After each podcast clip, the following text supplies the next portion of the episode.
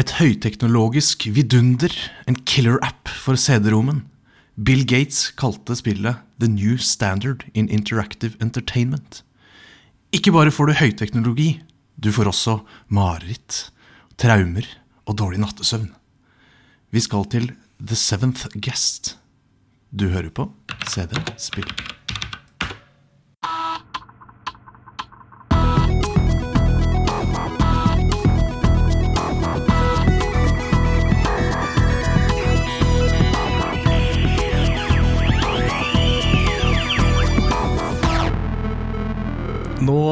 Er vi eh, nærmere og nærmere den eh, kalde måneden hvor eh, vi kan glede oss til at det ligger store pakker under treet.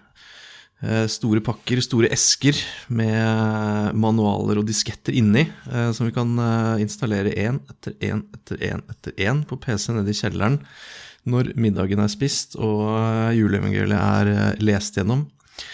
Velkommen til uh, podkasten som snakker om gamle spill på gamle datamaskiner. Med eh, gamle, unge, gamle eh, menn som prater om det. Jeg heter Sigve og er en eh, eh, gammeldags gamer eh, som trives best i DOS, eh, til nød Windows 3.1. Eh, jeg har med meg min eh, gode venn og kompanjong, eh, medgamer Mr. Mamen. Her er jeg i levende live, holdt jeg på å si. Nok, nok en Ja. gang. jeg har akkurat revet eh, papirene av disse, disse mm, gavene og fått et eh, litt sånn skummelt, eh, skummelt spill som vi skal gå inn nærmere inn på i dag.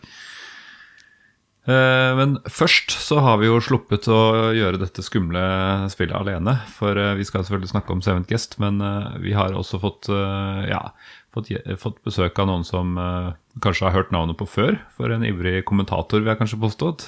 Trond Sneås Skauge, velkommen hit. Jo, takk, takk.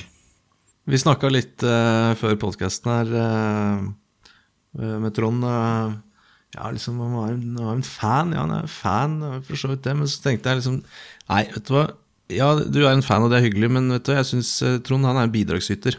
Yeah. Uh, for det, det innsatsen i kommentarfeltet, uh, og at han nå er med oss som gjest for å snakke om et uh, dritskummelt spill. Eh, og ikke minst at du nevnte at eh, du driver med litt eh, marketing, rekruttering. Eh, for nå er det kanskje flere som hører på podkasten etter at du har snakket om podkasten vår. Ja, jeg har prøvd å rekruttere litt kollegaer til å høre på, så jeg har iallfall fått ett napp. det er Så nice. som har hørt gjennom katalogen, så det er jo veldig fint. Det er veldig gøy. Så jeg vil si velkommen til bidragsyter Trond Sneås Skauge. jo, takk. Eh, nei, det er veldig kjekt å være her. Eh, jeg gleder meg til å ikke bare være en fanboy, men også eh, få lov til å si noen ting. Og forhåpentligvis noe fornuftig. Ja, for er ikke det som er mest irriterende med å høre på en podkast, er hvis du ikke får lov til å Hvis du er uenig, eller du hører at de sier noe feil, eller at det er sånn ah, hvorfor kan det ikke bare Er ikke det litt av sånn cursen med å høre på noe som andre prater om? Det er jo def, det jeg har prøvd å få utløp for i kommentarfeltet på Facebook. Ja, så- riktig. riktig Tar dere på sånne eh, oppløsninger på SVGA Ja, Ja. Ja, vi Det høres ut som, eh, høres ut som meg. ja, jeg har bomma litt noen ganger. Ja, Rett må være rett. Ja. Ja. Nei, men det er bra. Bra man har noen som, eh, som følger med. Eh, ja. Skal vi bare by oss ut på dagens eh, store eventyr, eh, som startet i 1993. Eh, nyoppstartede Trilobite Software eh, ga da ut, eh, sammen med Virgin Interactive, spillet The Seventh Guest.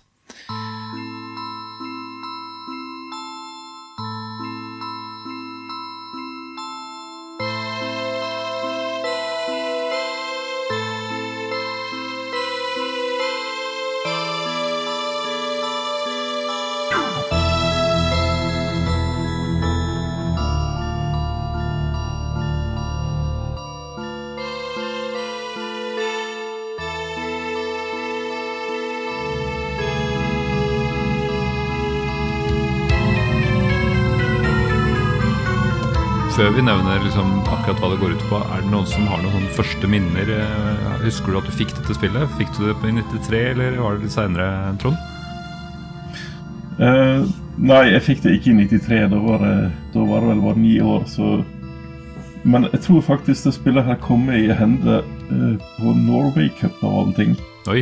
uh, og jeg var ikke deltaker. Jeg var, eh, jeg var vel egentlig ikke og så heller. Men på Norway Cup så hadde om det var Akersmik eller eh, Space World eller et eller annet, Ja. som hadde sånt telt med utsalg på, der på Ekebergsletta. Så der var det og kjøpte, kjøpt spill mens de andre var og, og spilte fotball. Ja, Det er riktig prioritering. Mm. Det er godt å høre. ja. Så jeg tror jeg fikk det her sammen med Day of the Tentacle i eh, nice. Ja. Så, eh, så jeg husker at jeg skaffa meg det. Eh, og ja Prøvde i alle fall å spille det. Jeg må- innrømme jeg aldri klart å spille gjennom det i, i barndommen, men eh, eh, jeg har, har eh, prøvd å, å gjøre det ordentlig nå i seinere tid. Det er morsomt, morsomt at du nevner eh, det du Tentacle, fordi jeg, når jeg gjorde litt research her, så hadde jeg lyst til å liksom plassere spillet litt i tid. Eh, for det er jo en del eh, interessante tekniske nyvinninger her, om man kan kalle det som vi skal komme litt nærmere inn på. Eh, men eh, det er jo eh, et spill som jeg tipper de fleste som lytter her, kjenner godt til. Og det er jo bare for å liksom lay the ground litt her. Hvordan så dataspillet ut i 1993? Eh, og David Tentacle er jo en av de høyest rankede PC-spillene fra 93. Eh, og så har du jo ting som eh, Super Mario World og Street Fighter 2 og sånn, som kommer rundt den tiden. Så da, da veit man liksom litt hvor man er, sånn grafisk. Eh, Og har plassert det litt, da. Jeg eh, husker jo at jeg selv Jeg er ganske sikker på at jeg fikk dette i bursdagsgave. Om det var i 93 eller 94, vet jeg ikke. Men det, at det var det første CD-romspillet jeg fikk, er jeg ganske sikker på. Uh, når vi hadde akkurat fått oss en 486. Um, og det, det husker jeg var en liksom, opplevelse å få, få et CD-romspill. For jeg hadde bare vært vant til disketter, og, liksom, eh, og så jo at de hadde skjønt, skjønt at eh, her får man noe mer enn bare 14 disketter, liksom. så det skal vi jo straks gå inn på. Men ok, skal vi kanskje begynne med å plassere dette i sjanger og sånn, da. Det er vel kanskje vanligst å kalle det for et eventyrspill, men det er, ikke, det er veldig forskjellig fra det Tentacle, da, kan man jo trygt si. Hva, hvordan, hva ville du plassere det som, eh, Trond? I, I dag snakker man vel gjerne om sånn FMV-film, nei, spill, gjør man ikke det? Jo. Eh, jo. en, en slags eh, ja, en filmopplevelse i spillform. Ja. Og de var jo som oppfant konseptet, mer eller mindre. Jeg tror de var, jeg er rimelig sikker på at de var første som gjorde det. Så det er ikke så rart Ja, man ikke hadde den labelen ennå. Jeg tror jeg hadde spilt uh, Før jeg spilte her, så hadde vært borti Under a Killing Moon. eh, Ja. Som var det første FMV-spillet jeg spilte. Det tror jeg kom kanskje året etter, men eh, det er jo helt klart eh, veldig mye av samme eh, Eller det er lignende, kan vi kanskje si. Ja, det kom, det kom ikke alltid i kronologisk rekkefølge i, i gamle dager. Det var litt sånn Det er sant. Absolutt ikke sånn. hva som kom. Ja. Eh, Men ok, skal vi liksom prøve å Kan ikke du prøve å oppsummere hva som hva dette er for noe fram Hva, hva skjer i introduksjonssekvensen, som du for øvrig ikke kan skippe? Hva, da, hva er det dette dreier seg om? Jo, altså når man starter spillet, så får man eh, en, en åtte minutters eh, eh, Ja. eh, Hvis jeg skal tenke tilbake, så husker jeg det som en ganske episk eh, introduksjonsscene. hvor man- får historien om eh, Henry Stoff, som er Jeg vet ikke om han er hovedkarakteren, men han er iallfall antagonisten i spillet, kanskje. Um, og det er altså, Han blir vel først presentert som en, eh, en sånn omstreifer som eh, går rundt uh, vi- får vel ikke vite noe mer. Han er en omstreifer. Vi får vite at han uh, en natt dreper en dame, uten at det har noe mer å si for uh, historien egentlig i det hele tatt. Eh, og dagen etterpå får vi vite at han eh, har en drøm, eh, eller natta, vil jeg tro, eh, etterpå, at han har en drøm hvor han får en Se en slags dokke som har svever i løse lufta. Eh, og den dokka plukker han da ut av løse lufta og får i, i fysisk form. Og har da plutselig gått ifra å være en omstreifer til å bli en, en, en lekemaker, eller en Ja. Ja, leketøysmaker eh, Eh, Henry Stauff blir kjent i samtiden og greier. Mm. Ja da. Uh, han uh, han har vel flere sånne visjoner hvor han da tar, nei, får, ser flotte leker i drømmene sine, og så lager han da varianter av de her. og blir kjent, og alle i byen vil ha en stovtoy, som de sier. Mm. Men så er det en, en mørk vending som skjer. Og plutselig begynner barn å dø i den her eh, Jeg vil anta byen, da. eh, hvor han opererer. Eh, for øvrig heller ikke noe vi får en veldig god Jo, vi får en forklaring. Eh, ja. Ja. Uansett, barn dør. Eh, får vi vite i introen. And there was this one last vision, a last dream of a great house, a mansion that the wealthy toy maker was to build. A strange house, a house that scared people. Eh, Det ene jeg har opp med at han eh, til slutt eh, så, så får han en visjon av et hus, så han ender opp med, med å bygge et slags ja, et herskapshus, tilsynelatende på toppen av en haug, som vi kan se på coveret. Ja, og det er ganske ikonisk, det bildet. Den, Den, det, den mansion som ligger da på den villaen som ligger ute på en klippe i, med ingenting rundt, det er ganske stilig. Absolutt. Det er et slags Adams Family-hus, kan vel eh, Ja. det beskrives Ja, på. det får veldig den viben av det huset, ja. Men eh, deretter tar vi da et hopp i tid. eh, Jeg har lest på Wikipedia at jeg tror vi nå befinner oss sånn i, på 40-tallet en gang. Eh, uten at jeg helt kjente igjen i, i, i spillet. Eh, men da har iallfall han Henry Stoff inv invitert seks gjester til å komme til huset sitt for å overnatte. Eh, og de har møtt opp, men eh, når de da møter opp i det her huset, så så er det ingen Henry Stoff der, eh, men i stedet for blir de da tatt imot av noen lapper, hvor han da ønsker de velkommen, og da introduserer at i løpet av natta, da er det i løpet av den kommende dagen, så skal hver og en av de kunne konkurrere om å oppnå sine eh, største drømmer, eller djupeste drømmer. Oi. Ehm, Så det er vel introen. Da tar man et lite hopp, og eh, eh, man kommer inn i det huset. Og det er jo det jeg kanskje husker best, for det er da virkelig eh, Egentlig det, det, grafikken og alt, når man går over fra det her video, videogreia til denne prerendererte 3D-grafikken, det er da virkelig man får bakoversveis. Eh, og man starter i det her huset da som eh, en slags eh, person, vil jeg tro, som eh, ikke husker noen ting, hvorfor man er der, eller hva som har skjedd. Eh, Men man bare våkner opp og eh, står da foran En trappa i, i huset. Så det er vel introen i ganske mange ord, men ja. Det er men det en var video også. Godt oppsummert, det. Ehm, så ja, som du sier, så har han invitert seks gjester som skal da Det blir vel klar, snart åpenbart at de skal løse noen eh, puzzles, oppgaver. Uh, og det er jo du, også den du-personen som eh, blir omtalt som ego i manualen. Den eh, det er litt mors den, Han sier ikke mange ord i løpet av spillet, men det, er, det første han sier, er vel 'Hvor er jeg? Hvem er jeg?' Jeg husker ingenting.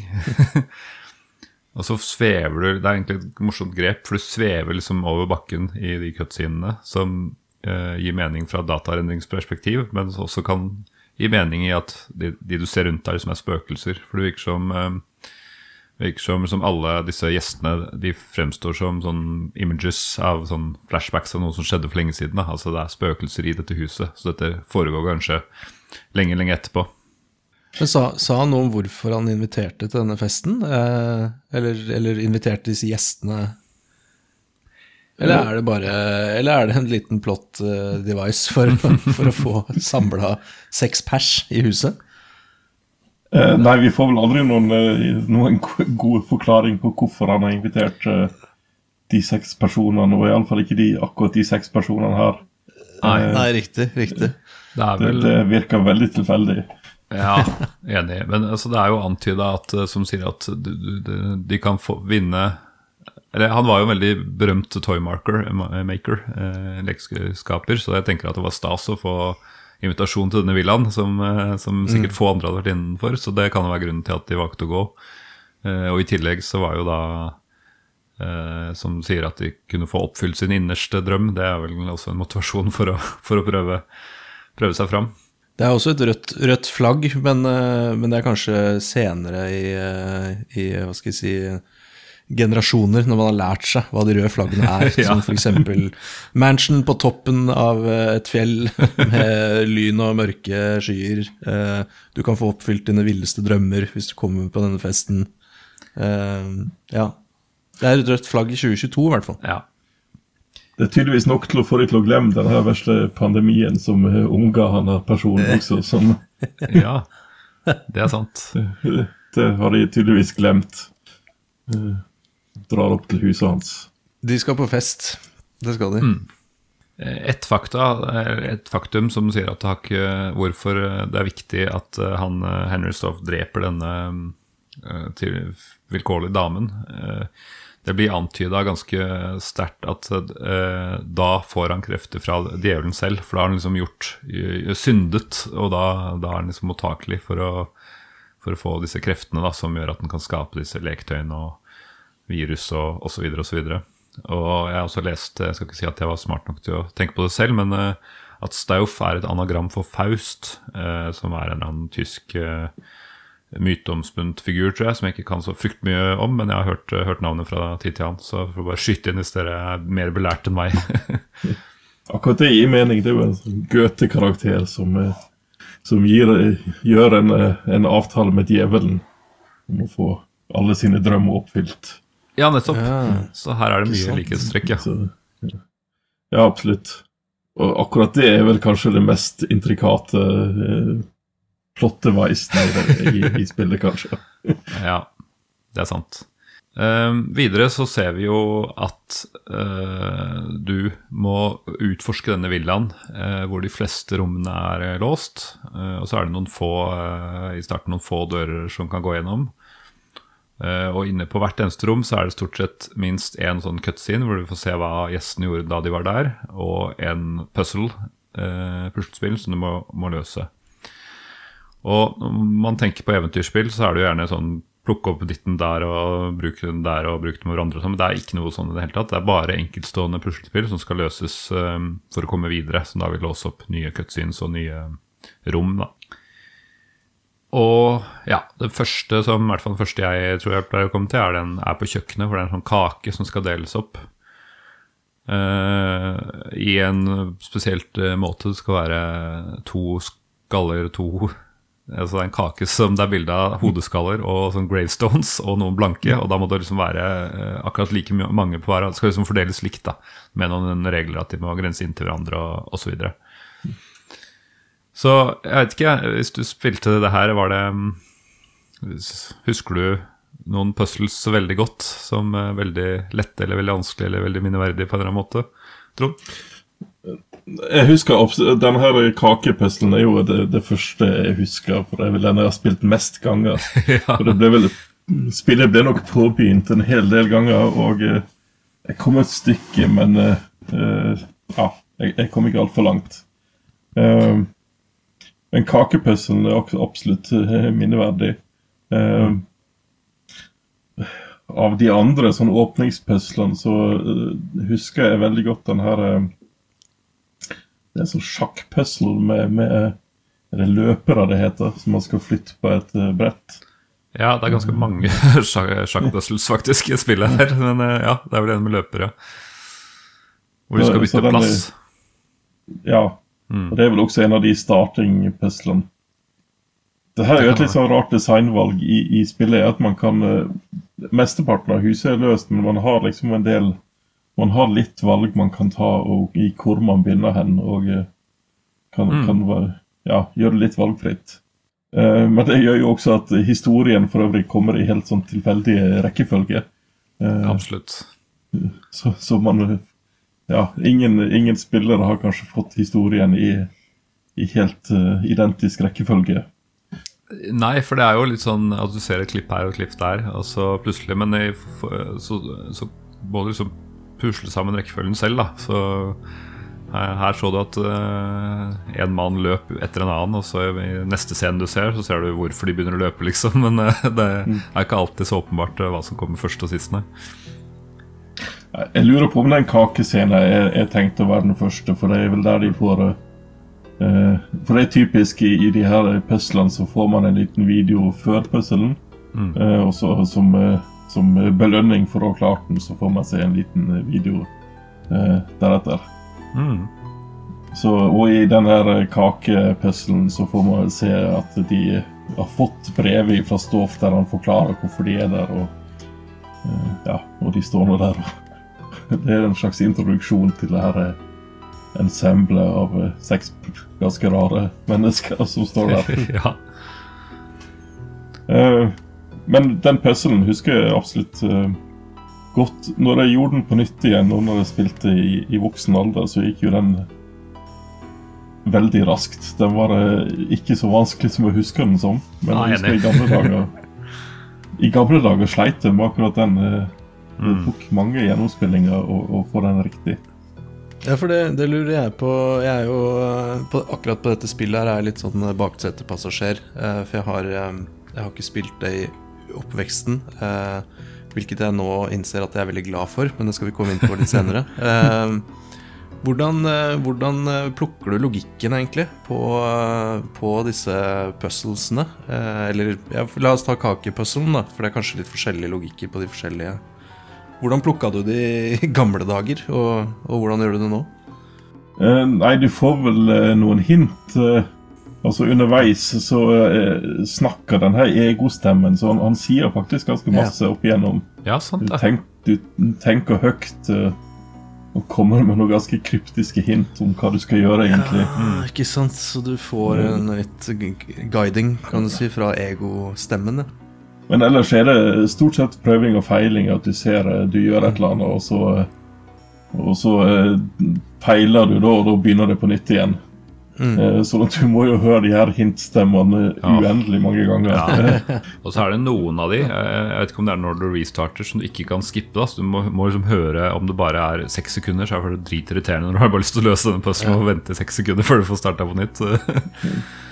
Ja, og Kan det, du save mid-puzzle? Eller? Nei. nei, Nei. Kan du eh, gå ut av puzzlet hvis du ikke orker, or Ja, orker du kan prøve en annen, Ja. eller utforske noe Ja, annet. Eller noe. riktig. Og det er, det er ganske progressivt, for det er et innebygd hintsystem i spillet. Litt kronglete riktignok, men du kan gå til biblioteket eh, og se en bok. Og der står det type hva eh, Ja, det er flere steg, da, men først står det liksom hva som er om. Eller liksom vagt, eh, kanskje det har noe med fordelingen av eh, kakestykker og så går du dit, så prøver du litt til, og så, går du, så får du litt mer detaljert. Og så til slutt så vil du få tilbudet, vil du bare ha det løst for deg. Så da skipper du hele greiene, da. Så du Ah. kan faktisk komme gjennom dette spillet uten å løse en eneste puzzle. Så jeg kunne ha spilt det spillet her i barndommen. Ja, men ok, det er greit. Jeg noterer meg det. Men, Men- jeg skal si deg det, det er kjedelig å gå, for det tar tid å gå fra sted til sted. Så gå ned til den libraryen liksom fem ganger for å få hint, og så sove. Det er nesten ikke verdt det engang. Ja, for det er jo ikke, det er ikke et first person hvor du bare kan løpe ned. Det er jo en slags cutscene-sveving Ja, animasjon. ned til Ikke sant? Denne animasjonen. Og ikke minst så mister du den her eh, belønningsvideoen som kommer etter at du har løst puzzlen. Så jeg tror Ja. det var det som holdt meg ifra å jukse meg gjennom dette. Ja, ok, så det er en eh, Ikke sant? En motivasjon for å faktisk løse puzzlet sjøl. At du da får denne Stemmer snutten. Ja, For det var jo en belønning det på 90-tallet, å få litt video.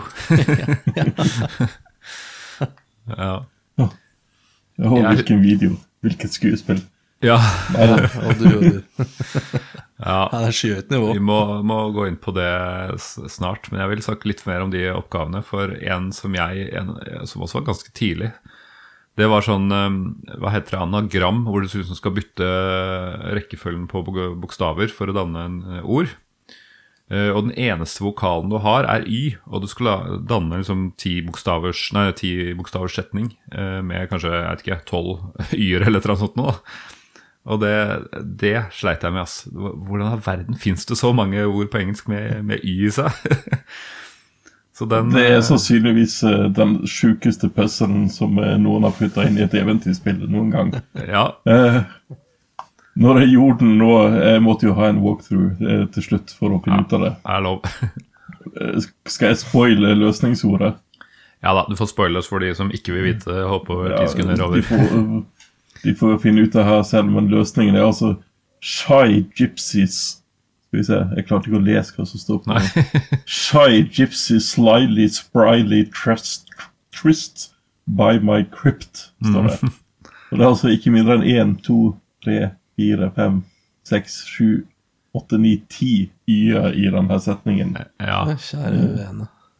øh, ja. Så eh, Jeg antar at jeg kommer forbi den her med hjelp av hintsystemet i gamle dager. Eh, Jeg tror også at der tror jeg du får deler av setningen på en av de siste hintene før du liksom skipper det hele. Mener jeg husker kanskje på hele òg.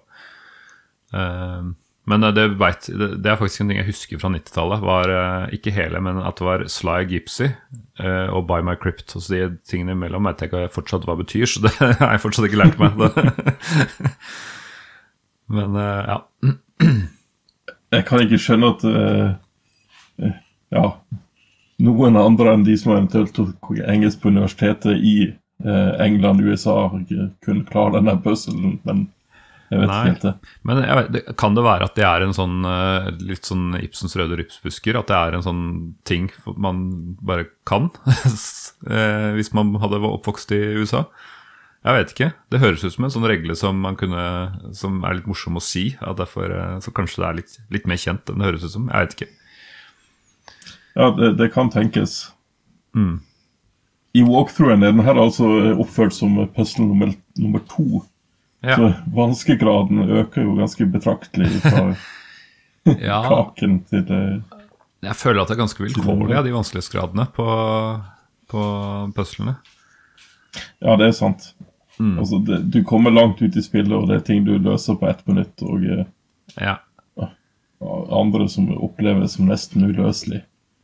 Enig. Og en av de som var skikkelig vanskelig, var ja, den du sa, med å flytte sånn springere eh, Nei, ja, nei, løpere, hva er det heter, de der som løper på skrå i sjakk. Den, den er vanskelig, den. Bishops heter de på engelsk, ser jeg. ja, Eh, stemmer. Den, Det er også den- en av de, de morsomme, for er, der må du på en måte bruke logikken i større grad enn eh, Ja. enn i andre. Så, sånn sett så liker jeg de sjakkpuslene kanskje best. Mm, Eh, at det er de beste designa puslene i spillet. ja, det er sant. Men det er så mange oppgaver, som spesielt den, som jeg satt så mange ganger og tenkte at det her er jo ikke mulig. Det er jo komplett umulig å få til det her. Altså, det er jo enkle regler, liksom. Jeg vet hvordan sjakkbrikker beveger seg. Det er ikke mulig å få disse til å bytte plass uten at de liksom tar hverandre, da, som er det som er, som er poenget her. Ja, men alle sjakkpuslene klarte faktisk eh, uten walkthrough i, i min moderne oh, nice. gjennomspilling, så, så det, det er mulig. Ja. Uh, men uh, i barndommen var det Ja, nei, det var uaktuelt.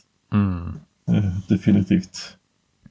En annen veldig vrien nøtt, det er eller kanskje den vanskeligste, eh, det er dette mikroskop-puzzle, eh, puslespillet. Hvor du ser nede i et mikroskop, og så det, ser du på en måte på celler som er røde og blå. Og så Dette spillet heter vel noe sånn Attacks eller et eller annet noe, fra gamle dager. Men stort sett alle puzzlene er forresten gjenbrukte puzzle som fins i en eller annen form fra før. da. Men i hvert fall er det, det kan minne litt om Otello, at du skal eh, flytte brikker. Eh, eller duplisere brikker, og så får du alle de som ligger rundt. I Otello så er det jo mellom, men eh, de som ligger rundt, så de på en måte smitter hverandre. da. Og det, den der er, spiller du liksom mot eh, Stauf, og han er skikkelig god på i hvert fall originalvarianten. og så vet jeg at det finnes noen sånn easy modes og sånn i både Scum VM og i eh, mer moderne ting. Men den tror jeg brukte timevis på å endelig klare å slå og finne ut av hvordan man skulle vinne da, over Stauf. Ja, den puzzlen kan ikke jeg huske fra barndommen, eh, så jeg kom vel aldri så langt. Nei. Eh, men jeg gjorde den nå, og da må jeg innrømme jeg brukte en eh, AI som, oh, ja. som spilte. Så jeg lot en AI spille mot meg. Spilt, eller lot AI-en kjøre i nettleseren, og så gjorde som AI-en gjorde. Eh, og da klarte hun å vinne. Nice. Eh, det vil si at AI-en tapte faktisk én gang, så også Ja. AI-en sleit med det hele. så Det er en så sykt kreativ løsning at jeg syns at det skal ikke kalles cheats. At du finner en AI som du spiller mot parallelt, sånn at AI-en kan gi deg det, det er ikke cheating. Nei. Det gikk ikke på er, 90-tallet. kreat, det er det sånn. kreativitet. Nei, det gjorde det ikke. Men jeg husker jeg, jeg så en sånn her walkthrough på 90-tallet, og da sto det at uh, denne puzzlen uh, ja, lø løser man lett med å bare skrive et lite program som uh, Ja. fungerer sånn og sånn. Ja. Så, uh, så, så de gjorde det samme den gangen også, men da måtte du Du kunne ikke bare finne noe på nettet den gangen. Nei. Nei, den var helt. Den var så vanskelig, den. Så den, eh, jeg skjønner at den blir skippa ofte. Eller jukse med, eller eh, skrive program, eller, eh, eller finne på en AI. um, jeg har litt lyst til å ta for oss liksom historiene. Har du lyst til å Eller husker du godt nok til å klare å oppsummere liksom hva som skjer fra de har kommet hit til, til spillet er ferdig? Jeg Jeg kan prøve, Vi kan prøve sammen, kanskje. Det er jo, Ja. Som sagt så kommer jo hele historien eh, veldig hulter til bulter, alt etter hvilke program, nei, eh, Mm. sånn puzzles man tar, eh, tar i hvilken rekkefølge. Eh, men det er i alle fall seks karakterer, da, som, eh, seks gjester som man møter i, i spillet. Eh, jeg skal prøve å Navn og sånt fikk jeg ikke med meg, men det var iallfall Det var et ektepar som så ut som et litt sånn britisk ektepar. Ja. Uh, og så var det en slags De het uh, Edward og Eleanor Knox. Jeg har dem foran okay. her, så kan jeg, kan jeg ta det når du introduserer dem. Uh, Og så var det en slags skuespiller eller noe i den duren. Hun kledde seg i litt sånn 20-tallstøy. Så jeg antok alltid at det her spillet var satt sitt på 20-tallet, for at de så litt sånn ut. Ja, det var Eh. 2030, ja. Var det Martine Burden, tro? Hun som var litt uh, ung? Det, det kan jo godt hende. Mm. Uh, og en litt eldre dame. eh, Julia som, Hein. Ja, med et helt voldsomt overspill. Ja. det var ganske voldsomt. Mm. Uh, og så var det altså en, uh, en litt sånn skurkeaktig karakter. Uh, Virka som en litt sånn hustler. Uh, en sånn 40 år gammel mann så han ut som Kan jo nærme seg at det var helt umulig egentlig å se hvordan de her så ut som. på Ja. at eh, videoen Det er nok Brian Dutton du beskriver her, eh, antar jeg. det, det, det er nok det. Uh, og den siste er jo den mest minneverdige. Det han husker best fra gamle dager, det var en slags magiker. Ja. Uh, altså, han gikk kledd som en Med turban og kappe og ja, det var helt herlig. Eh, Hamilton Temple heter han for øvrig. Så jeg vil anta at det er sånn magikere alltid kler seg, da. Eh, Det er nok det. Ja, eh, for han, hans ønske De har litt forskjellig desire her, men hans ønske var jo som å sjekke om magi kan være virkelig. Og håpa på at Stoff kunne vise litt virkelig magi, for han var lei av Mm. stage magic. Så ja. Ja, nei, Vi får jo vite en del om de her eh, underveis, eh, da hva deres ønske og hva de ønsker seg er. Mm. Eh, det er vel to som er mer sympatiske enn de andre. Det er han er magikeren. Han, han virker sånn rimelig sympatisk i, i spillet. Og så er det hun, kona i det her paret. Hun er også ganske sympatisk. Stemmer. Eh, mannen i paret han eh, stikker jo av gårde med en, denne unge skuespilleren med en gang det starter. ja, det er litt sånn småperverse undertoner i den eh, som gikk ut selvfølgelig meg hus forbi på 90-tallet, men som jeg hører veldig tydelig nå med I'll show you mine if you show you yours og sånn. Jeg husker også at det var noen særs uanstendige lydspor som eh, ja, riktig. plutselig ble spilt på PC-spikeren litt for høyt når man Oi, oi, oi, satt det. Det var det. Eh, men eh, ja han, eh, Kona sier ingenting på at han slår seg sammen med henne, men hun slår seg mer sammen med han magikeren, virker det som, at de samarbeider. mm. mens Ja.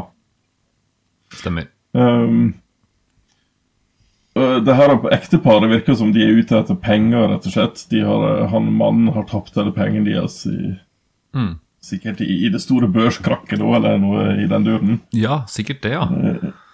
Det vil jeg Ja. Um, han er Brian Dutton. Uh, skurken er også ute etter penger, virker det som. Mm. Uh, I stor grad. Uh, mens de her kvinnene den yngre og den eldre virker som de er mer ute etter sånn evig ungdom eller noe i den Stemmer. Stemmer. Ja. Ganske stereotyp. ønsker Ja. kan man kanskje si. Det får man si. Men eh, er, hvem er den syvende gjest? Det er vel det åpenbare spørsmål. Hvorfor heter det The Seven Guest hvis det bare er seks eh, gjester? Det er et veldig godt spørsmål. Uh, vi, vi får etter hvert vite at det er kommet en gutt, en liten gutt inn i, i huset. Eh, Han får vi se at de jakter på liksom underveis. Igjen uh, kommer det veldig an på rekkefølgen hva som, hvordan man får fortalt den historien. Men det er altså, den, syvende gjesten er tydeligvis denne gutten, da.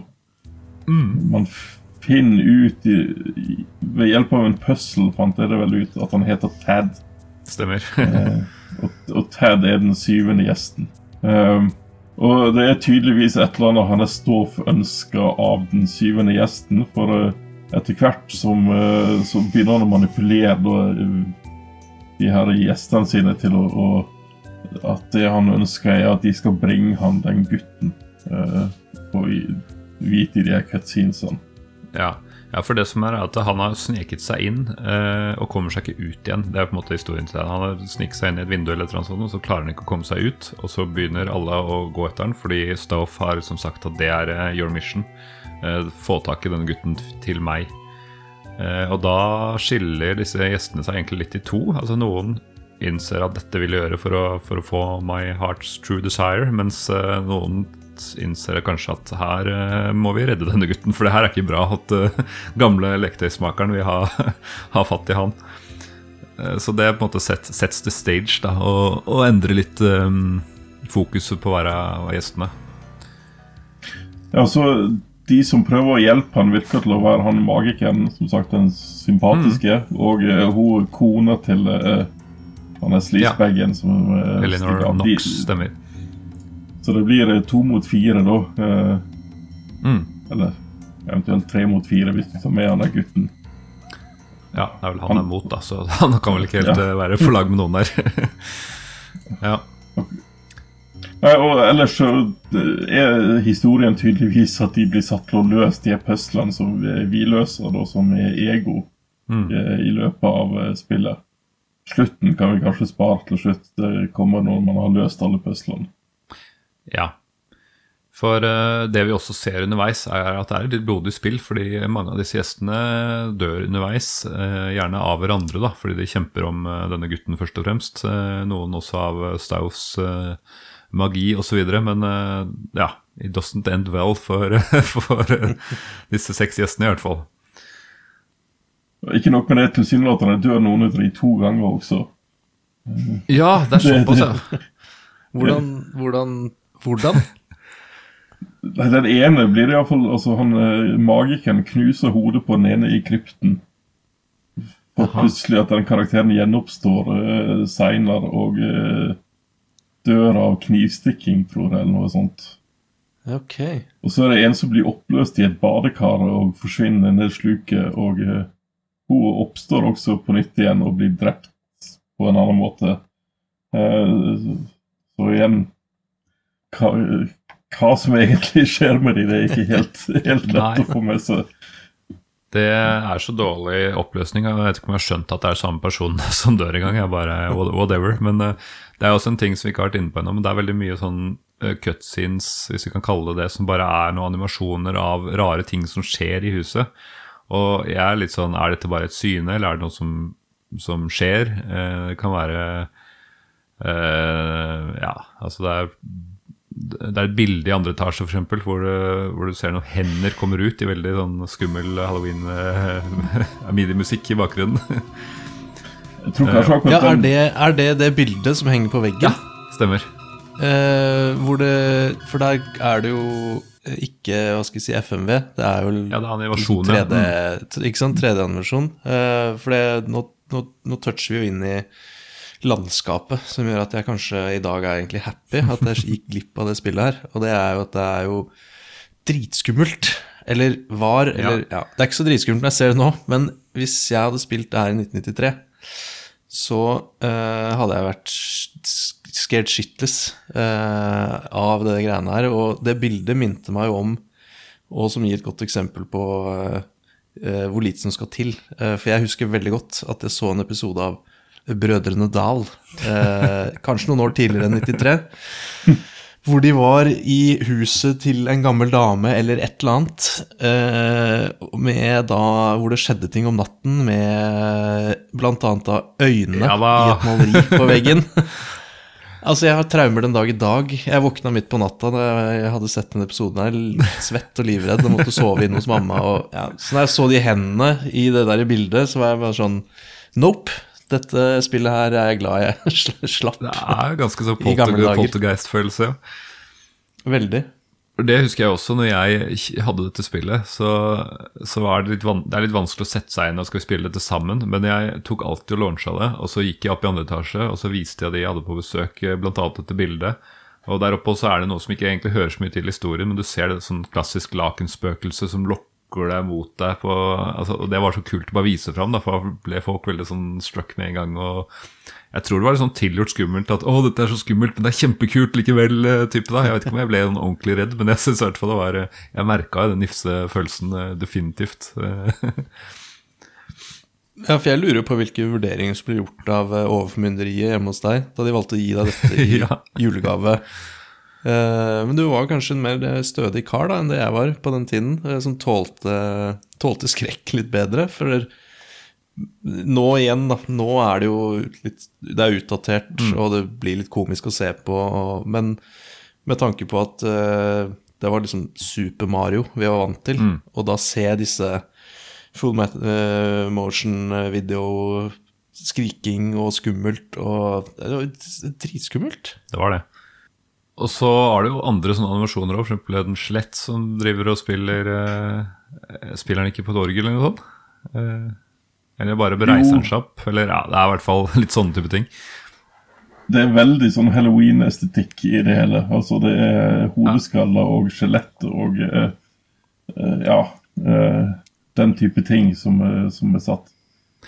Og vi hadde Men- jo ikke men- halloween i Norge på den tida, så det var jo helt nytt. For meg i hvert fall. Ja, absolutt. Men jeg er helt enig, i det absolutt skumleste var nok de maleriene. For det er ikke bare det ene, det er vel også Det er ett litt seinere i spillet. og så eh, Det kan hende jeg blander med Eleventh Hour, men jeg syns jeg husker det, det er noe sånn med det her et sånt klassisk maleri med marerittet som blir gjort levende. Det oh, ja, grufullt, syns jeg. da. Men det, det, kan, det kan være The Eleventh Hour. Nei, ja, altså Det er i hvert fall én eh, i et sånt galleri hvor du ser bilde av en eh, gutt, og så sier han bare med en sånn veldig creepy stemme If you think my eyes are big, you should see my teeth. Det er sånn kjempecreepy, og så begynner han å smile med sånn her See my teeth! Og så bare ser du sånn dritekkel tenner på denne maleriet plutselig. Jeg syns det er skummelt nå, jeg, bare når du forklarer det. Ja. Jeg kom over en, eh, en, en slags eh, Det var noen sånn deleted scenes-type som jeg fikk med nå her. Som egentlig oppsummerer litt hva denne Seventh Guest går på. Skal vi se om det lar seg spille her. eh. Old Man Star built a house and filled it with his toys. Six guests all came one night, their screams the only noise. Blood inside the library, blood right down the hall, blood going up the attic stairs where the last guest did fall. The last was just a little boy, dared to sneak in at night. But he was the key to the madman's door. He released the evil's might. No one ever came out that night. No one was ever seen. But old Mad Stop is waiting there, crazy, sick, and mean. Crazy, sick, and mean! Crazy, sick, and mean! Crazy, sick, and mean! Crazy, sick, and mean.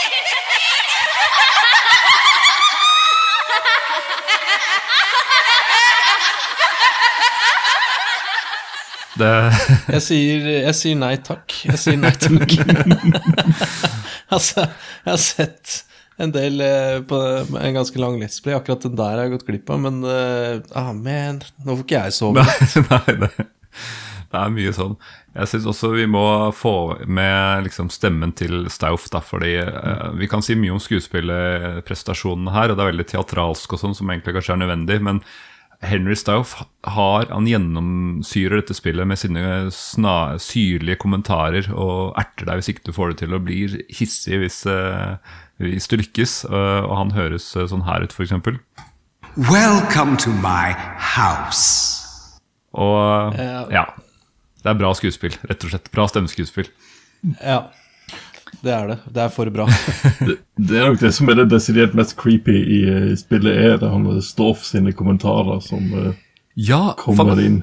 Er der liksom alltid. Selv om du ikke ser den så ofte, så hører du det hele tiden. Så det, det er skikkelig creepy, og du vet at han vil deg ikke noe godt. Back for more? Det er vel også den eneste som har blitt tatt videre eh, til oppfølgeren, er det ikke det, da?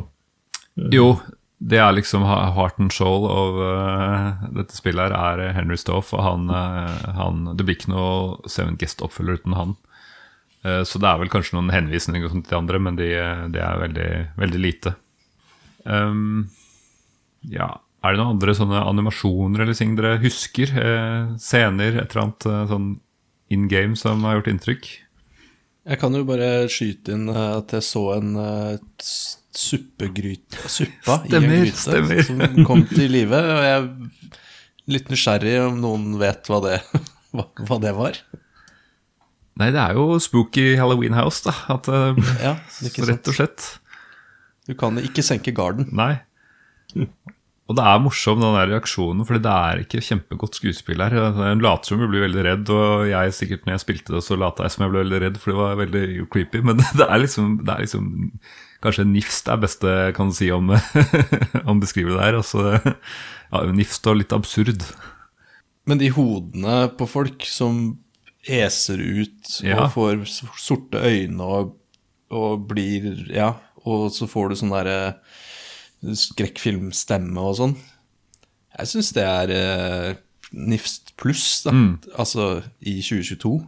Ja, det er, altså det er en del creepy ting, og det er en del av de her som, som Jeg har litt inntrykk av at mye av disse animasjonene er lagt inn for se hva vi får til med vår fantastiske mm. kreative spillmotor, enn at det gir så mye mening i, i liksom storyen, i hvert fall. Da. Men eh, atmosfære definitivt er det jo. Men det, det er mye som ja, som ikke har noe effekt annet enn å si wow. Mm. Jeg ser nok også definitivt de her eh, lydeffektene der, der de vrir på stemmen og sånt. Det, Det er jeg det, det er det som har holdt seg best sånn eh, effektmessig. Ja, for det er creepy, altså, den dag i dag. Jo, det, det er det. Vi må jo også innom uh, musikken, fordi eh, det hadde jo ikke vært mye uten denne musikken som er laget av uh, The Fat Man, uh, som er kallenavnet til George Sanger. For han har komponert denne veldig creepy midi-musikken. Jeg har kanskje nevnt det før her, men den åh, jeg får jeg, get the chills når jeg hører en del av den, eh, disse sangene. Altså. Eh, Er det noe inntrykk eh, Gjorde det inntrykk på deg, Trond? Uh, nei, ikke i særlig stor grad. Uh, det gjorde litt inntrykk på meg når jeg kom til, til slutten. Uh, Ja. for, for det er jo noen ordentlige låter inni her. Og akkurat de er ganske godt gjennomført. Mm. Utover det er det midi-musikk, altså. Eh, og, og, litt slitsom til tider. Og atmosfærisk eh, eh, innimellom. Mm.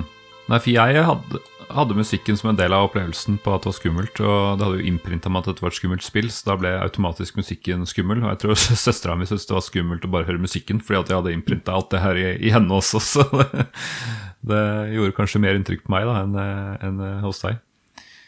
Ja, det er godt mulig, altså. Eh, det er jo for øvrig en del av musikken også som går igjen i en av puzzlene. Eh, Ja. det er jo en pianopuzzle hvor du må begynne å spille etter de her temaene og sånt. ja. Eh, så, så den er jo unektelig viktig i, i, eh, som en del av opplevelsen. Mitt, int mitt inntrykk fra, som en outside observer her, er jo at um, Du nevnte jo den menymusikken. Eh, den uh, merka jeg liksom at Oi, den var kul. Liksom, den traff en nerve med en gang. Eh, og så merka jeg også at uh, in game-musikken eh, under puzzle, en del av puzzlesene, det var sånn Hei sann, dette var litt slitsomt i lengden, egentlig. Ja. så, ja, så det er liksom begge deler her. eh, det er det. Jeg har dette som eh, en av de eh, høyest rata sånne musikk-soundtracks fra den tida, så jeg syns bare det er herlig å høre på det. Jeg ble ikke så lei av de eh, loopsene som kommer. Eh, Kanskje fordi de er ganske lange loops, da, selv om det definitivt er mulig i gjentakelsene. Jeg skal ikke benekte det. Um, Men eh, ja, det er litt merkelig at eh, det er midi, fordi de hadde CD-rom eh, foran seg, og de kunne legge til som hva som helst. Og de, det, det ble midi, men det kan jo være eksempel på at de ikke helt visste hvor de skulle når de starta det her. Det er for øvrig også lydspor på CD. Det var, kom på to CD-er. På, på begge CD-ene så er det et lydspor. Og på den ene spilles mens intromusikken spilles, vet jeg. Og jeg tror kanskje den andre spilles innimellom ellers, kanskje på ja, rulleteksten og litt sånn eh, Kanskje noen FME-sekvenser og sånn. Men eh, der får du faktisk eh, mye av minimusikken i skal vi si, bedre oppløsning, eller altså i bedre format. da. Så den husker jeg spilte på, på CD-spillerne og ble liksom Fikk virkelig befesta det her legendariske spillet her altså, med denne musikken. Og det var nesten litt skummelt å høre på musikken, men også litt herlig. Du satte, du satt deg godt til rette i lytterommet Ja, og plasserte, plasserte CD-en i CD-trayet. Og spilte den på stereoanlegget. Ja, det er ingen nå til dags skjønner hva jeg snakker om, men dere, dere skjønner det. Vi, vi, var, vi var der. We know. Ja, Det, det var veldig stas det her å, å sitte og gå igjennom alle spillene man hadde på CD-rom, og prøve å finne ut hvilke spill hadde, hadde musikk på, og, Ja. og hva bare lagd støy når de satte på. Ja, for det var jo liksom litt gambling, det. Som regel var det bare datatrack uten noen ting, men så var det i ny og ne, så kunne du finne lydspor på CD-ene. Jeg synes jeg husker at Monkey Island blant annet hadde hele lydsporet eh, liggende på CD-rommen. Og ja, da var det en re-release eller noe sånt, for jeg hadde definitivt diskettversjon av Monkey Island, og der var det, var det ikke så mye eh, tracks. Nei, nei, det var nok en uh, The White Box-release, tror jeg det het. Uh, Ja, Så det stemmer nok. ja. Men eh, vil dere vite litt hvordan eh, dette ble skapt, og hvordan, eh, hvordan det oppstod og sånn, eller? Veldig gjerne, for her er det mye forskjellige teknikker Altså mye forskjellig teknologi. Ja, jeg har fordypa meg skikkelig i det her. Jeg gjorde faktisk et intervju med flere av disse skaperne for, eh, for et par år siden. Og eh, det som var, var at de to skaperne her, Graham Divine og Rob Landros, de jobbet på Virgin eh, Interactive, eller kanskje det het noe annet på den tida, Virgin et eller annet. Eh, og hadde lyst til å utforske dette CD-rom-formatet, som var helt nytt. Eh, og det endte liksom med at eh, da får dere starte Dere vil ha sparken, dere får starte deres eget selskap. Det var det sjefen sa. Og dette har jeg lest og det hørtes ut som sånn tabloid eh, Tabloid liksom sånn det, Ha-ha, de fikk sparken. Så jeg, jeg ringte jo disse viktige personene her og hørte, hørte om det stemte, da. Og Rob Landros kan s- putte inn et lite tidbit av det intervjuet her. It, it seems strange to me if, if you have a good idea and you pitch it and it, they say, "Hey, uh, make your own company and, and do it there instead of uh, let's let's make it in house." Uh, why do you think Virgin decided to let you go I on your own? I don't know. It, to this day, I don't understand it. Uh, and you know, so again, I I rather suspect that I don't know. I don't know.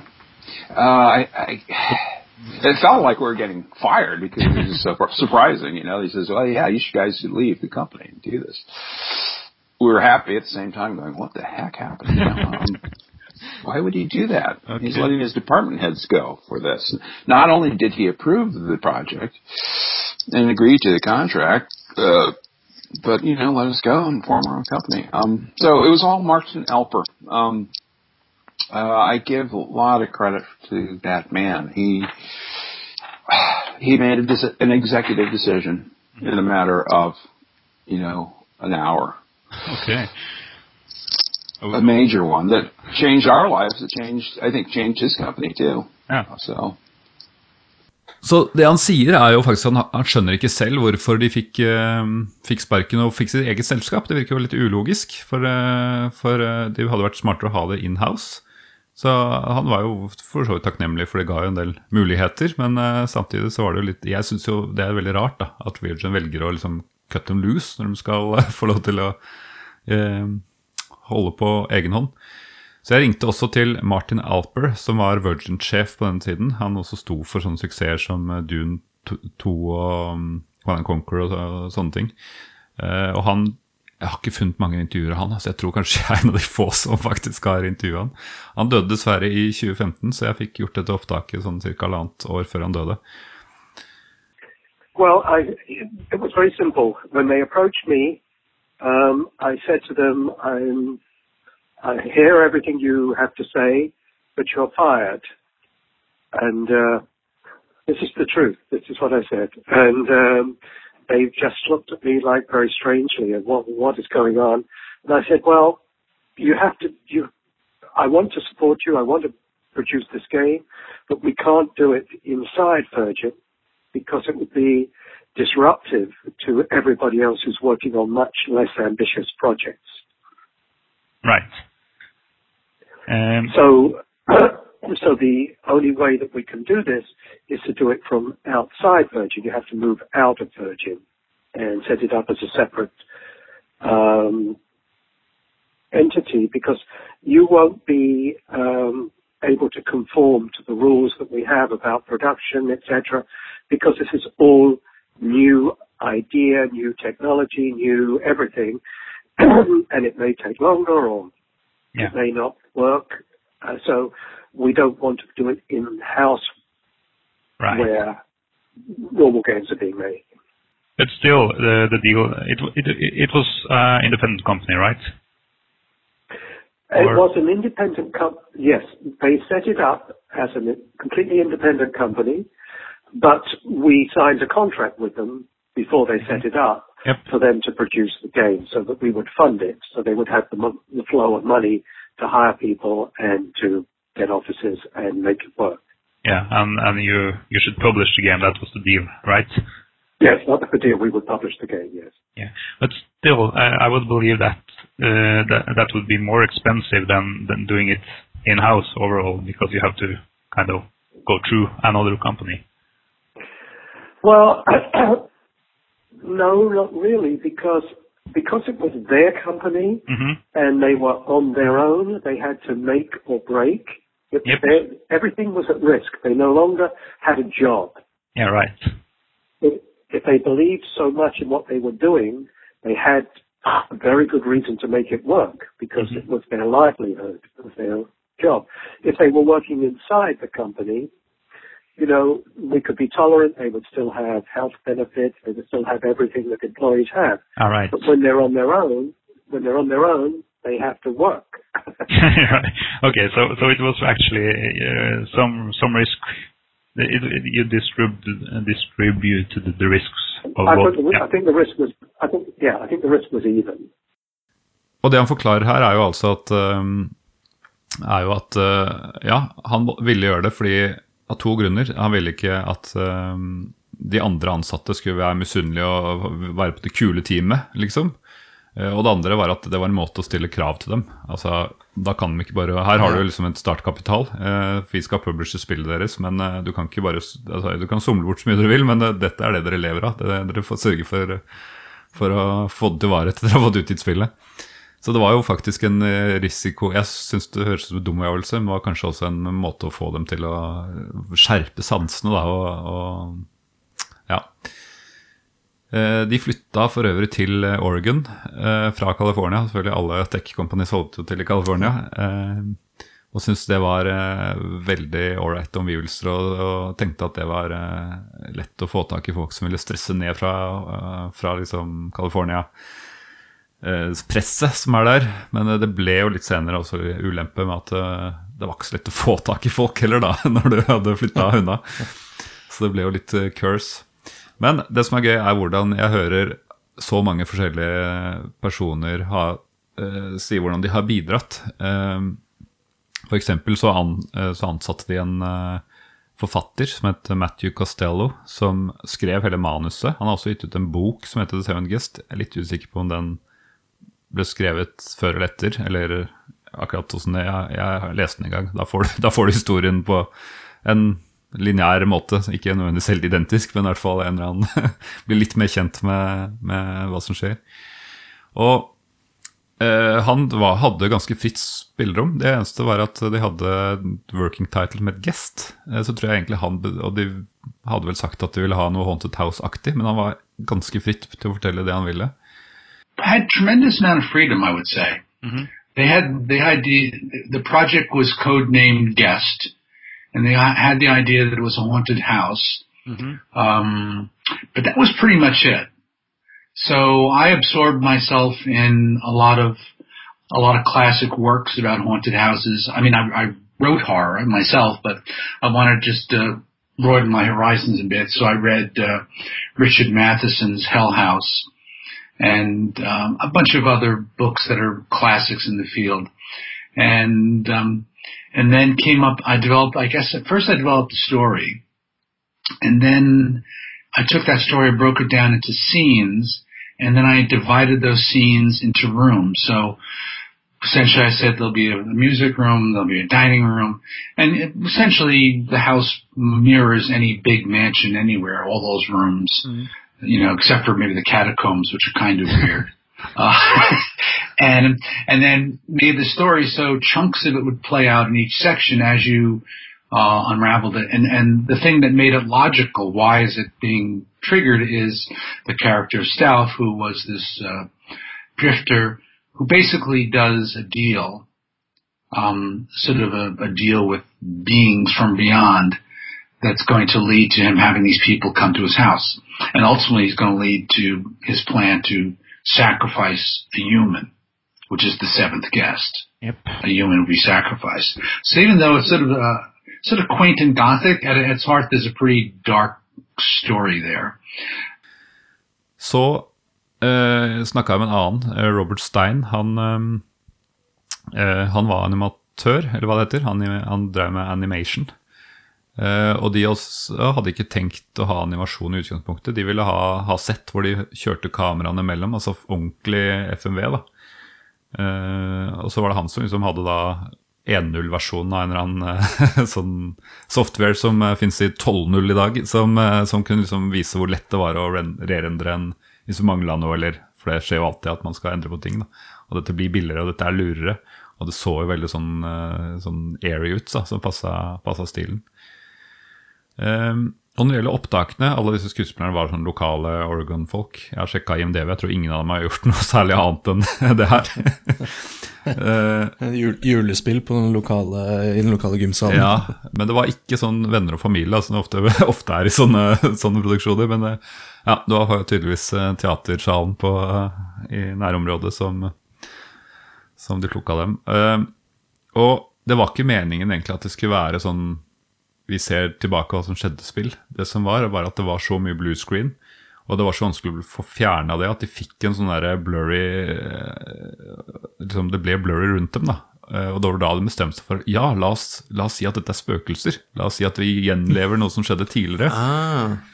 Så det er jo litt morsomt hvordan, liksom, ja, hvordan man bruker ulemper til sin fordel og skaper eh, et nytt tema av det. Og jeg må innrømme at jeg klarer ikke se for meg at dette skulle vært bedre av at det ikke var spøkelser. At det liksom skulle være live, eller liksom nå er de her, og nå skjer dette. Så det var eh, Ja, kall det hell i uhell, men det, det var bra at de ikke fikk til eh, det bedre. Eh, og det gikk ganske greit, har jeg inntrykk av, eh, å få fullført det her. Eh, og det var et, liksom et godt team. Eh, av disse to så er det Graham Divine som var den tekniske. Han var programmereren, og han eh, klarte å fikse veldig mye av det umulige. Som, det, var mange, det var på et tidspunkt folk tenkte at dette får vi ikke til farger, det er for mye data på en gang, dette må bli sort-hvitt. Og så ja, blir det liksom framstilt som at de, han satt oppe en, et par-tre netter på kontoret, og så klarte han å fikse det. Det var veldig mye sånn eh, virka som han løste ganske mye sånn vanskelige problemer, da. Um, men til syvende og sist så tror jeg det var et veldig godt team som klarte å fullføre det her, og de hadde en visjon. eh, og, og en annen Jeg tror dette er det første CD-romspillet Jeg har ikke klart å finne noen CD-romspill som kom ut før. De sier at eh, når jeg har spurt dem, at andre så bare potensial i hvor mye tekst du kan få, hvor mye sprites du kan fylle en CD-rom med. Liksom, jeg, jeg kjenner igjen den, for jeg tror min CD-rom så fulgte det med en sånn bundle med åtte spill. For det var det jeg tenkte på at man kunne gjøre. Men, men disse hadde liksom lyst til å fylle, bruke potensialet. Og Myst, som også var en sånn CD-romselger, den, den kom faktisk noen måneder etterpå. da som kanskje er det andre store disse to har jeg inntrykk av at de som gjorde at CD-rom eh, begynte å ta av. Eh, Så de har definitivt gjort noe riktig. Så skal det jo sies at eh, ja, vi trenger kanskje ikke ta hele historien til Trillebite. Den, det gikk jo nedover etter det, med litt oppfølgere og sånn. Jeg kan kanskje komme bitte litt inn på det mot slutten. Men eh, eh, det ble gnisninger mellom, eh, mellom disse to tidligere kameratene som eh, etter hvert førte til downfall. Da. Så, så ja. Men eh, ja, det er mange personer Eller det er få personer som har bidratt veldig mye, har jeg inntrykk av når jeg har eh, studert, eh, studert det her. Og en suksess ble det. Bill Gates selv sa at dette er jo fremtiden innen ja, multimedia. Jeg så det. Jeg så han hadde sagt det. Og det. Men det var jo det. For det er jo igjen Selvfølgelig når man ser på det nå, så kan man liksom le litt av det. Men igjen, da. Vi hadde sittet og spilt uh, Mario eller uh, Day of the Tentacle, og så har vi her uh, Vi beveger oss i et interaktivt 3D-miljø hvor eh, maleriene begynner å leve. Og ikke nok med det, så er det eh, altså ek ekte mennesker, som vi ville kalt det da, som beveger seg eh, i disse rommene. Med ekte lyd også. Ikke PC-speaker, eh, men faktisk folk som snakker og skriker. Ah, det er mye skriking. Mm. Men ja, det er eh, Så, så det, det var jo fremtiden. Jeg støtter påstanden til Bill Gates der, altså. Og det er også verdt å nevne at dette kom jo året før Doom, eh, og det ser mye bedre ut enn Doom fordi sekvensen er prerendra. Eh, det ser faktisk mye bedre ut sånn stillbildemessig eh, enn Doom, så det er ja. Det, det er lekkert arbeid, kan vi kalle det. Nei, man må absolutt ikke under, underdrive hvor bra det her spillet ser ut.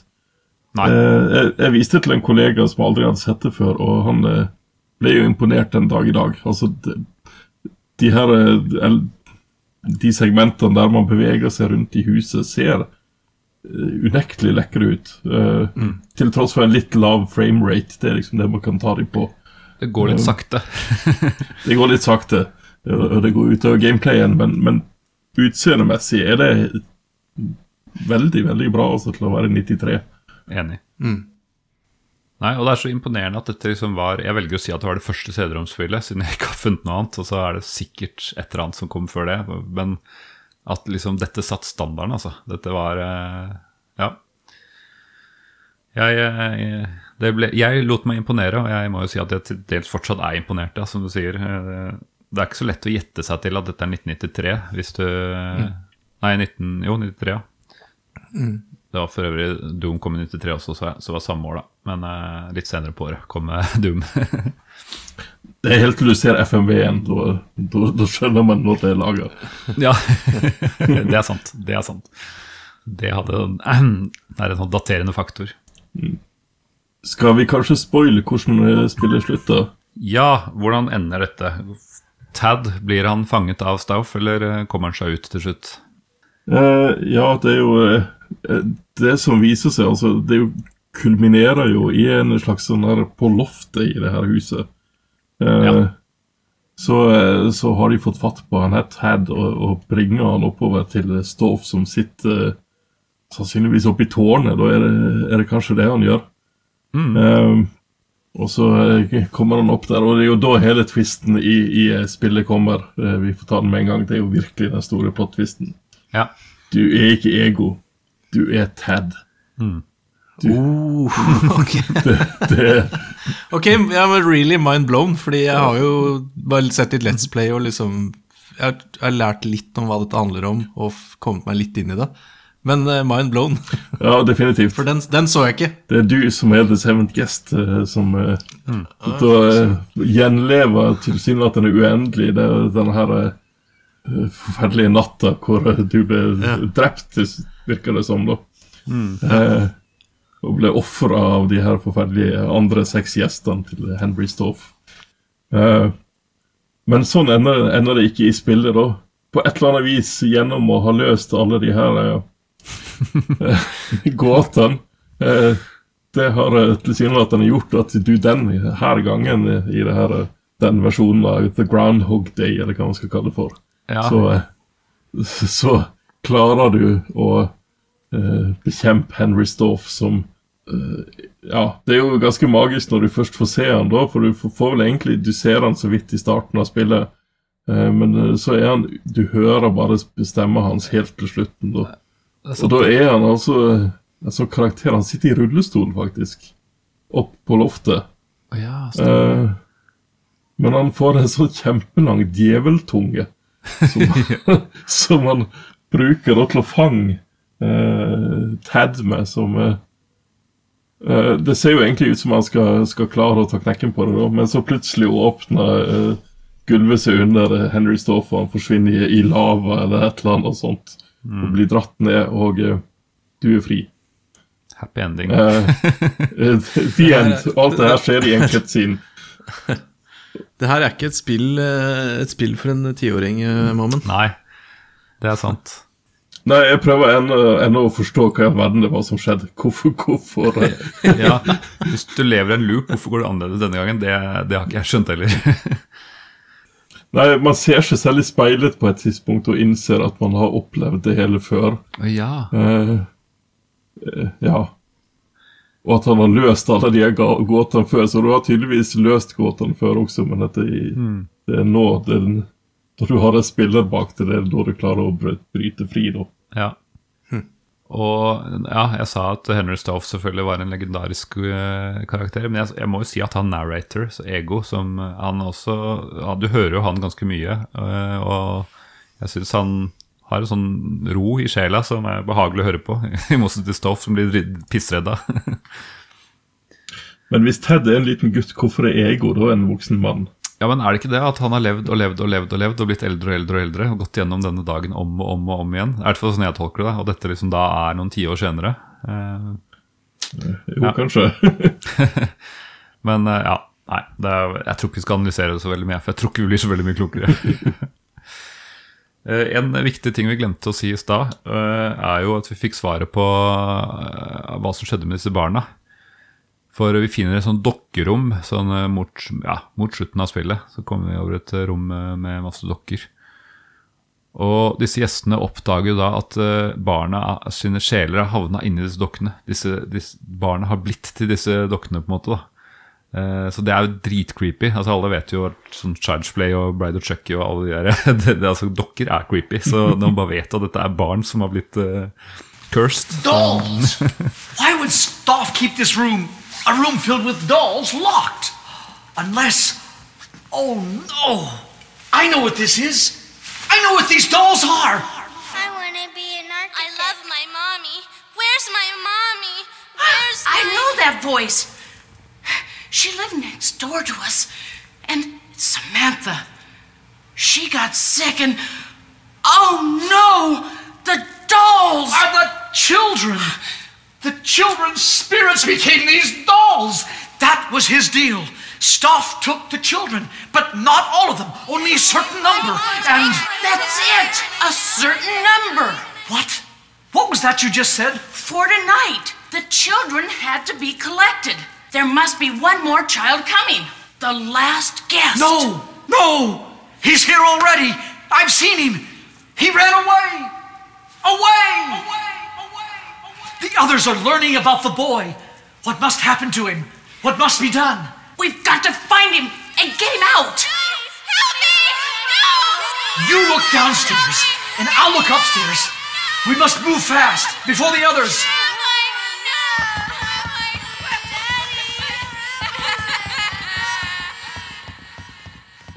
Og av en eller annen grunn så ligger de her dukkene og ler sånne her creepy små barnelattere. Ja, for det hjelper ikke det. Nei. Jeg, er så, jeg er så glad at jeg ikke spilte dette spillet i 1993. Eh, altså dokker med liv. Eh, jeg kom jo til, ved en tilfeldighet over en X-Files-episode en gang jeg var alene hjemme rundt de tider eh, hvor det er en dokke som kommer til liv.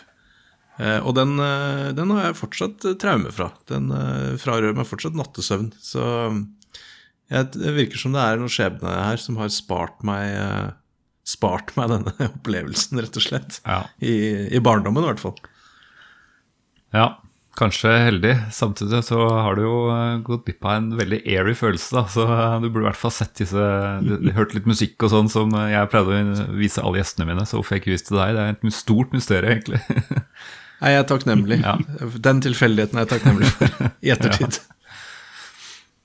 Nei, jeg må kanskje konkludere med å si at det beste, koseligste øyeblikket, altså det fineste øyeblikket når det er spilt gjennom det, var når du har rundet det, og du får en veldig flott rulletekst.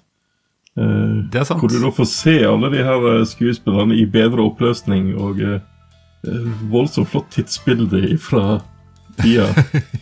Og du får også høre den beste låta fra hele eh, Ja, for det er. Skeleton in, in, My Closet, er det ikke det? Som går over eh, Jo, det er sånn ja- jazzlåt. Yes, Ja, den er faktisk herlig. Skikkelig sånn Så, og den har de spart helt til slutten. Eh, sannsynligvis var det veldig få som faktisk eh, fikk høre den, eller se de her menneskene i sin tid.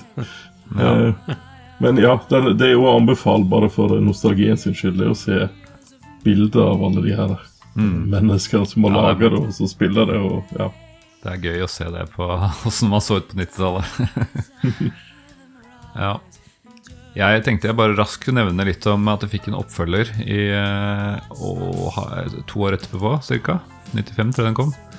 Som hadde Altså, jeg, vi går ikke så i detalj i den. Jeg tenker at vi har holdt på lenge her, og kanskje vi kan lage en egen episode om det. Men der tok de liksom hele historien til nåtiden, altså 95.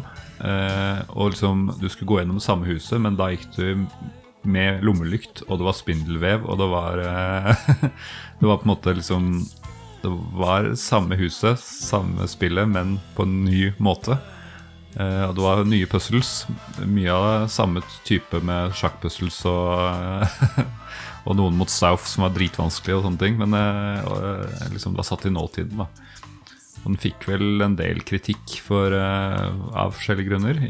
Personlig så koste jeg meg med det like mye som uh, Seventh Guest, eh, mener jeg å huske. Men uh, ja, det tok litt ulike retninger, og det også begynte en sånn friksjon mellom disse skaperne, da, Rob Landros og Graham Divine, som ja, De var veldig uenige om hvilken retning de skulle. Og jeg tror ingen av dem egentlig hadde lyst til å lage en oppfølger, men det ble liksom forventa når de hadde den suksessen de hadde. Eh, og jeg hørte at de tjente faktisk mer penger på oppfølgeren fordi de hadde bedre royalties og bedre deal med Virgin, men uh, den solgte vel en del mindre etter mener jeg husker. Og um, ja, etter hvert så alle de subsequent-prosjektene de gikk ganske dårlig. Uh, mye ble avlyst eh, når de hadde brukt masse penger på det, og noe ble lansert. Noe solgte veldig dårlig.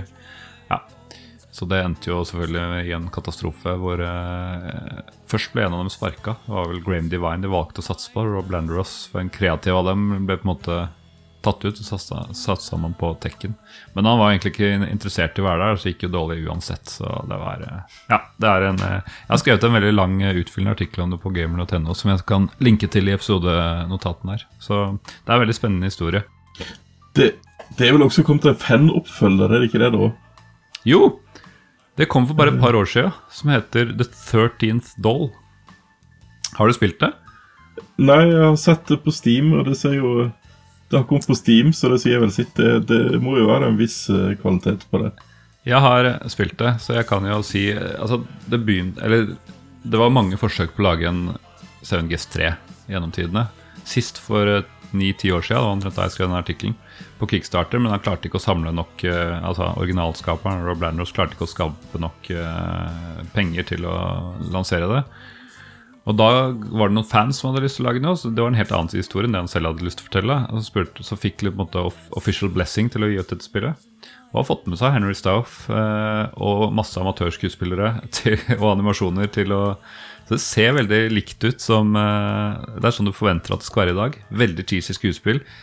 Også som du forventer av et Seven Guest-spill. uh, ja. Og, ja. Og det litt unike er at det er to storylines. Fordi historien der er at uh, det er satt i uh, veldig lenge etter Seven Guest, hvor Tad har blitt voksen. og, men han er innlåst på sånn mental hospital fordi alle disse fæle tingene han opplevde i barndommen. Og du kan velge om du skal spille som han eller psykiateren hans. eller legen hans eller noe sånt.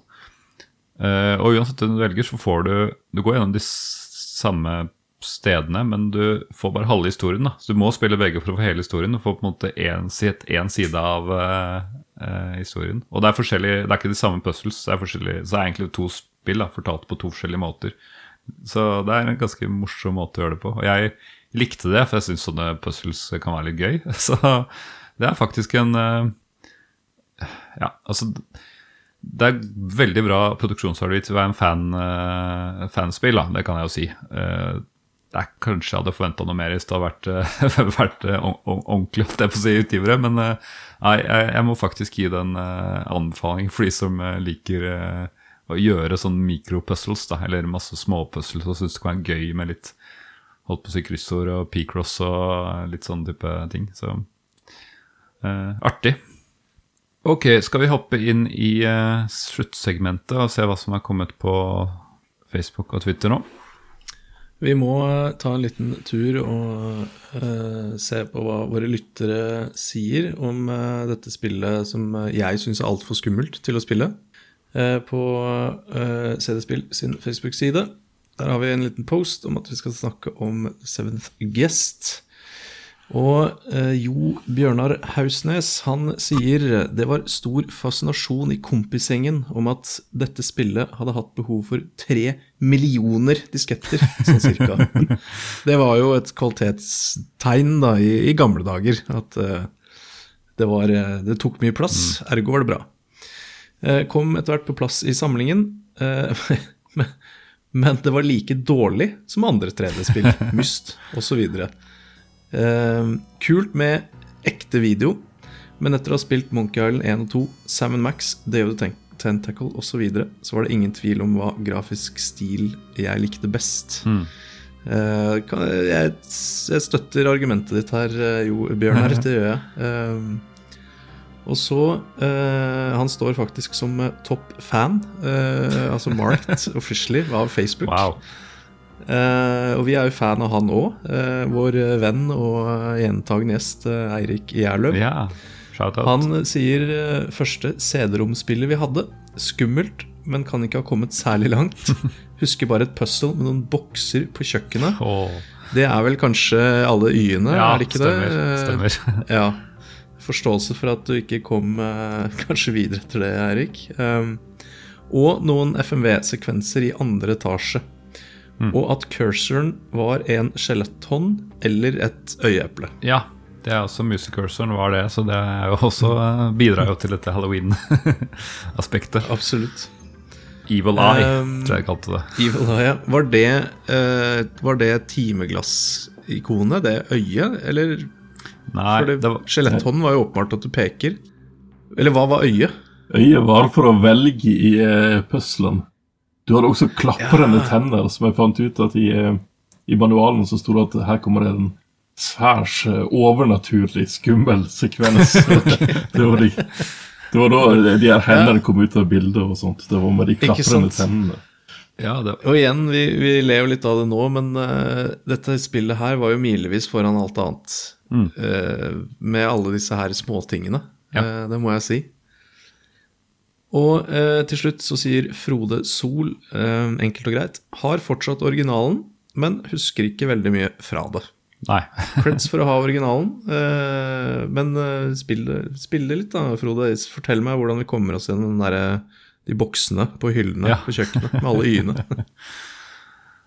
um, vi tar og svinger innom eh, Twitter. Anders eh, Berge han sier 'husker bare at jeg leste om det i datablader i butikken'. Åh, minner Ja, fra gamle er dager. nice. Eh, Familie-PC-en vår, oi, her var det mer nostalgi, eh, var en 286. Så CD-rom var ikke noe jeg fikk oppleve før senere i livet. Det var nesten det samme. Men husker jeg tenkte at når nå var fremtiden her, ekte film i spill, science fiction ble virkelighet, og en hjerte-emoji der. Jeg tror jeg Det var en god, Der var det mye nostalgi i én uh, Twitter-post. Jeg tror jeg tenkte det samme ja, når jeg så sånn som det her. Og eh, her er det en fyr som uh, har ramla innom, uh, som kaller seg Kisbjørn Threepskau. Minner om han Mr. Moonstone, men det er åpenbart ikke han. Ja, jeg, nei, altså, jeg veit ikke. Dette er eh, han Jeg vet ikke hvem dette er. En, det er en rando. Ja, en løsbart og juksenese, så jeg vet ikke hvem dette er. Han sier eh, Husker bare at det var liksom tidenes største spill i megabyte og gigabyte. Så ja, her er jo vi er flere som har samme True. målestandard på, på kvalitet. Men spilte det aldri selv. Var det ikke omtrent første på CD-rom? Mm. Husk, vanskelig å få tak i om man ikke hadde brenner, eh, ikke sant? Men tror en kamerat hadde det, og jeg var med og så på en gang. Husker nada.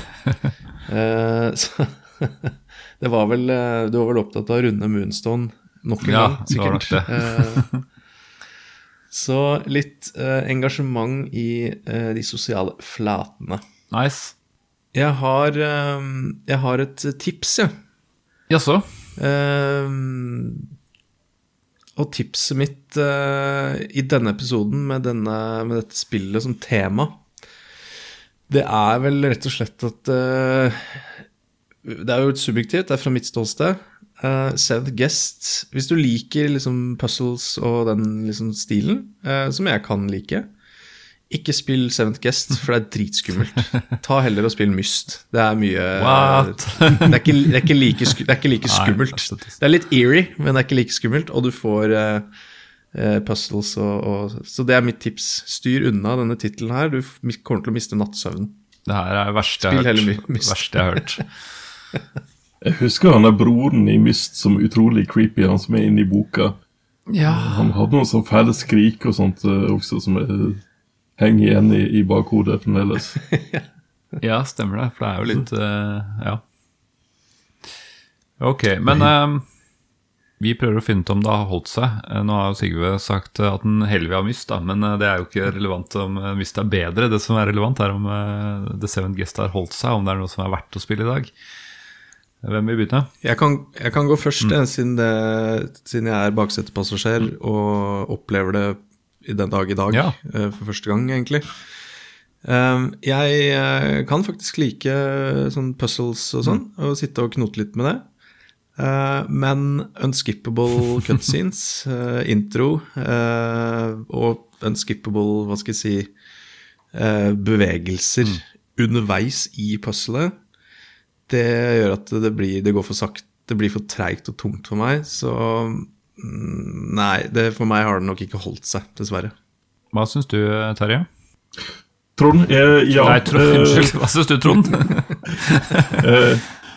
jo, jeg har jo akkurat spilt gjennom det, og eh, til tross for eh, veldig mange rare ting eh, eh, som Sigrid sier, så det går ikke an å, å, ta de vekk. Men til tross for det så har jeg kost meg. Mm. Eh, en ting, fin ting er at det tar eh, mellom seks og åtte timer å, å gå gjennom. Det er jo positivt i forhold til dagens spill. Eh, og en del av puslene er altså sånn at det, det er absolutt hyggelig å, å sitte og knote med dem. Eh, så jeg var egentlig litt overraska. Det, det, det har holdt seg. Og nå snakker jeg om Scum VM-versjonen. Eh, Det føles ikke ut som det er noe fra 93 du sitter og spiller på. Med unntak av ja, noen ting. Ja. Så jeg vil si ja. Eh, det, det har faktisk holdt seg. Mm. Da må jeg si meg enig i det, fordi jeg eh, altså Dette oser av nostalgi, selvfølgelig. For jeg har jo så mange ganger vist alle åssen annen etasje i, i denne villaen ser ut til alle som har vært på besøk, unntatt Sigve av en eller annen merkelig grunn. Men, eh, men eh, jeg elsker dette spillet kanskje like mye, kanskje på en måte mer enn jeg gjorde da. Fordi nå tør jeg det uten at det er for skummelt. Og jeg er litt smartere på disse nøttene, at jeg skjønner logikken litt bedre. Og så blir jeg fortsatt veldig frustrert når jeg ikke får til mikroskop-puslespillet og sånn. um, men eh, ja, jeg, jeg, jeg syns det er mer givende å løse en sånn type puzzle enn finne en uh, en sånn eple som skal kombineres med en kniv, og så skal det deles ut. Og en voodoo-dokke og en pubber som eh, rubber Ja, dere, dere skjønner. Jeg, jeg syns at dette holder seg litt bedre, da. Og det har faktisk en litt mer gjenspillbar verdi også. Og jeg syns ikke kanskje Altså Jeg liker atmosfæren. Historien i seg selv er litt vanskelig, som vi har vært inne på å få fatt på. Så det er ikke den som gjør det til et bra spill. Men uh, denne helhetspakka, den uh, Det er uh, Nei, jeg, jeg digger det. Um, og ja, du var så vidt inne på det, Trond, at jeg også spilte det nå i Scum VM-format for å få det mest mulig originalt.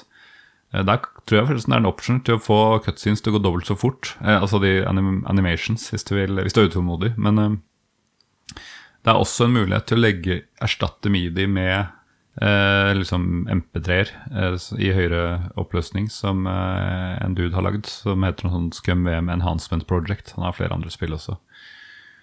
Eh, og så finnes det da en 25-årsjubileumsutgave som først kom til Android, tror jeg, og så er på Steam nå, eh, hvor du får eh, Jeg tror de har gjort eh, lyden litt mer crispere, altså stemmene, for det er litt sånn utydelig noen ganger og vanskelig å høre og, og sånn. Eh, og de har også lagt til subtitles.